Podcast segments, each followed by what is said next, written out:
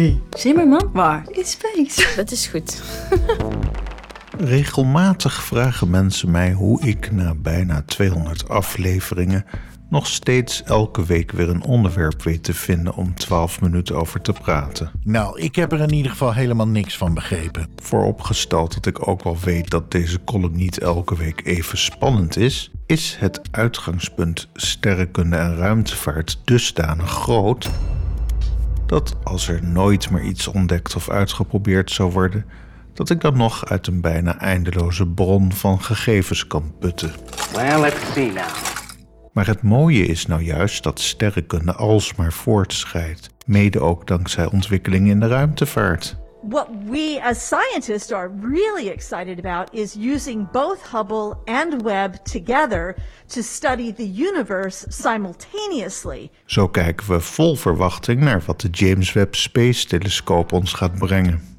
Vandaag wou ik het met u hebben over kwarksterren. I won't try to talk you into changing your mind. Het aardige aan de kwarkster is dat dit alleen nog maar een verondersteld type object is.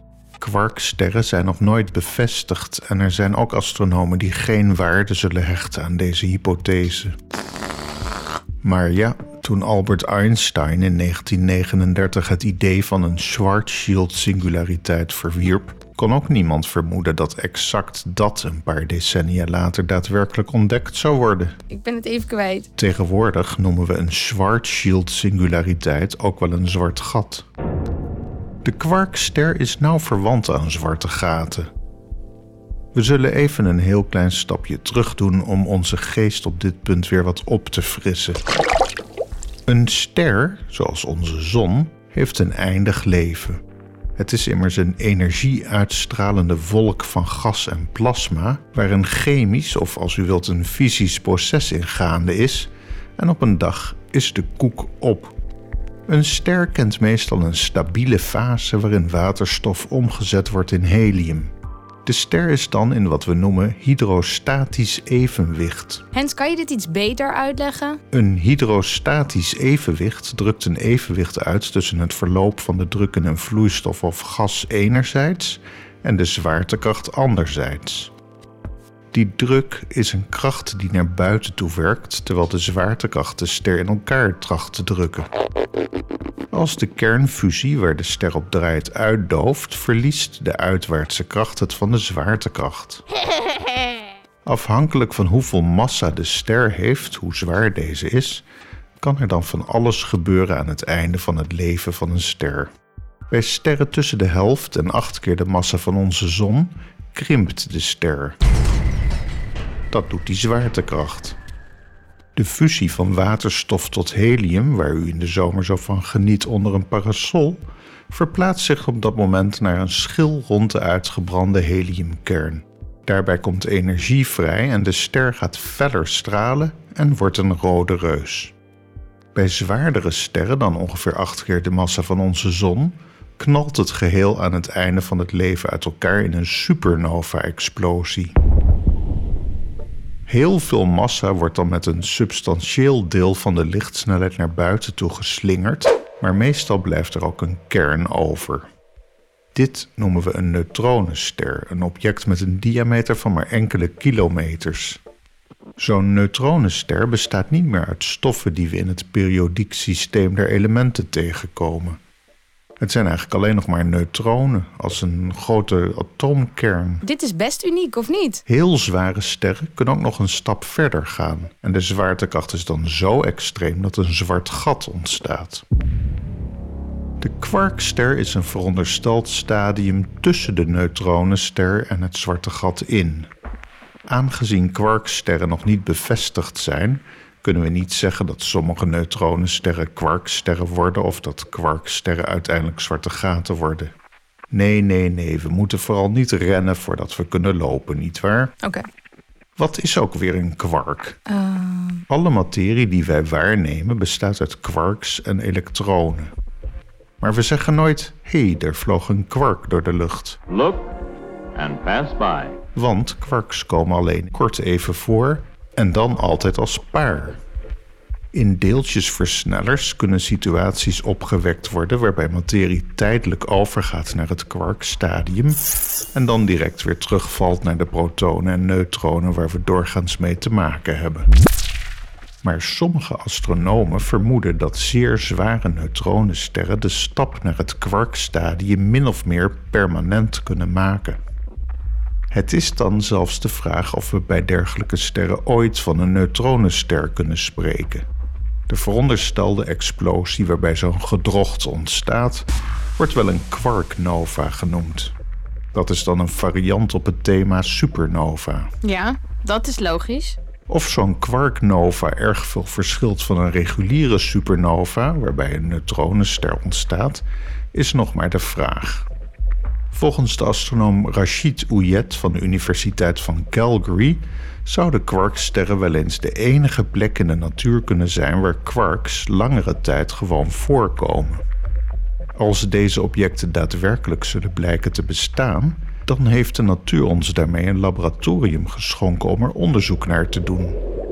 Een neutronenster kunnen we, zoals net gezegd, in zekere zin beschouwen als een enorme atoomkern, maar dan eentje zonder lading. Als we op diezelfde wijze met een beetje afstand kijken naar een kwarkster, dan zouden we deze kunnen beschouwen als een enorme hadron. Maar dan eentje die uit heel veel meer quarks bestaat dan een proton of een neutron. En tevens eentje die met zwaartekracht bij elkaar wordt gehouden en niet met de sterke kernkracht. Tuurlijk. En er zit natuurlijk ook nog een intrigerende kant aan kwarksterren. Want als ons heelal ooit in een oerknal is ontstaan, en daar gaan we voorlopig bij gebrek aan een beter model maar van uit, dan is ook daar aan het begin mogelijk sprake geweest van een stadium waarbij we vooral quarks en elektronen tegenkwamen. Hoe zouden we kwarksterren kunnen vinden aan onze sterrenhemel?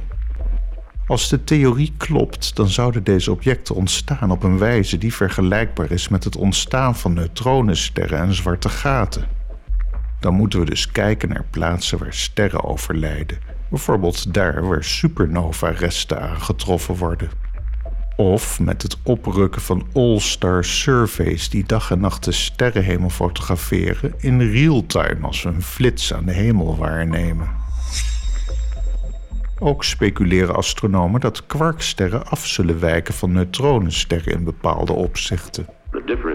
Zo wordt verwacht dat kwarksterren in tegenstelling tot neutronensterren wel eens radiostil zouden kunnen zijn. Dat wil zeggen dat ze geen radiostraling uitzenden. En dat is een hypothese waar we wel wat mee kunnen. Want er worden van tijd tot tijd inderdaad radiostille neutronensterren waargenomen. You hear that? Ze zijn op één hand te tellen, maar toch. En astronomen hebben nog geen goede verklaring voor deze radiostilte. Er zijn ook nog een paar objecten die kwarksterkandidaten zijn door anderszins afwijkende waarnemingen. Zo is de 3C58-pulsar in onze Melkweg mysterieus koud en daarmee ook mogelijk een kwarkster. 3C58 staat in het sterrenbeeld Cassiopeia. U weet wel, die denkbeeldige letter W aan onze sterrenhemel. En dan kennen we nog de snelst ronddraaiende neutronenster, als het dat al is, met de poëtische naam XTE J1739285. Er wordt gedacht dat dit object 1122 keer per seconde ronddraait, maar dat is maar één keer gemeten. Dus wie weet is dit een kluwe van quarks die zo dicht op elkaar gepakt zitten dat een dergelijk absurd hoge rotatiesnelheid bereikt kan worden. Een toon van 1122 hertz klinkt trouwens zo. Interessant, nietwaar? Interessant, maar wel een beetje nerderig. Er is ook een handjevol supernova-waarnemingen waarbij vermoed wordt dat er mogelijk kwarksterren zijn ontstaan. Zo werd bijvoorbeeld in 2006 een bijzonder felle supernova-explosie waargenomen in het sterrenbeeld Perseus. Met een beetje goede wil ziet u Perseus ook aan onze noordelijke sterrenhemel. Deze gebeurtenis uit 2006 staat te boek als de helderste sterexplosie ooit waargenomen. Gelukkig voor u gebeurde een en ander op een afstand van 238 miljoen lichtjaar van ons vandaan. Close the window. Close the window. Eerder genoemde Rachid Ouyet van de Universiteit van Calgary vermoedt dat ook deze sterexplosie mogelijk een quarknova was. Mocht u er meer over willen lezen, de sterexplosie staat bekend als SN 2006 GI. Ik zet zoals gebruikelijk wel weer wat links naar mogelijke kwarksterren in de show notes van deze podcast. Mocht u na het horen van deze column een onbedaarlijke behoefte hebben gekregen aan kwarktaart, dan snap ik dat helemaal. Tot de volgende keer.